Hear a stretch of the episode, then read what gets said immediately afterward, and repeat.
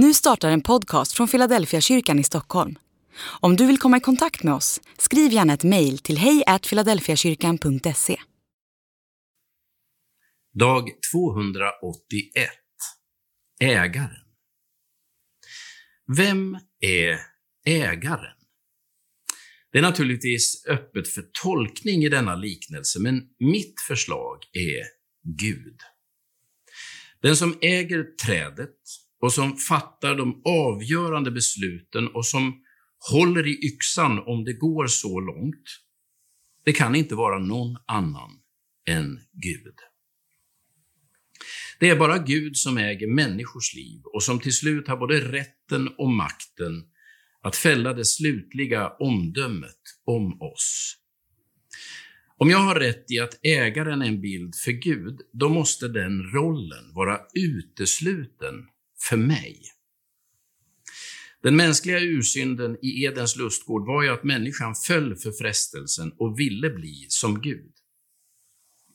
Ändå lider jag själv av att jag så ofta ikläder mig ägarens perspektiv på mig själv och på andra.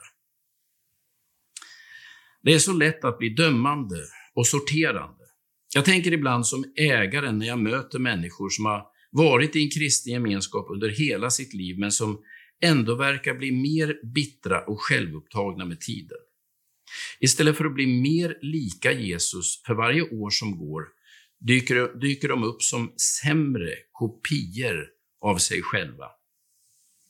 De är ointresserade av andra människor och nya erfarenheter eftersom de redan är proppmätta på sig själva. Den enda frukt de ger är bitter eller rent av giftigt. De förorenar sin omgivning och det bästa vore om de helt enkelt försvann. De tar utrymme och resurser utan att ge någonting tillbaka. Jag har kommit på mig själv med att tänka att det är kört för den sortens människor. Men så fort dessa tankar kommer inser jag att jag har iklätt mig en roll som inte är min.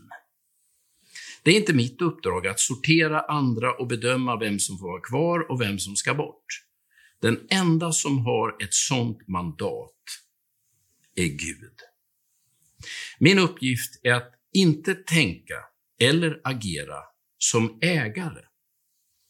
Min uppgift är att vara trädgårdsmästaren som ser i tro, som talar i tro till det som just nu verkar dött. Gud har inte kallat mig att hålla yxan när det är dags för domen.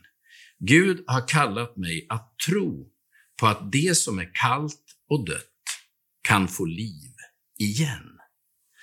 Bestäm dig för att alltid tänka och handla som trädgårdsmästaren.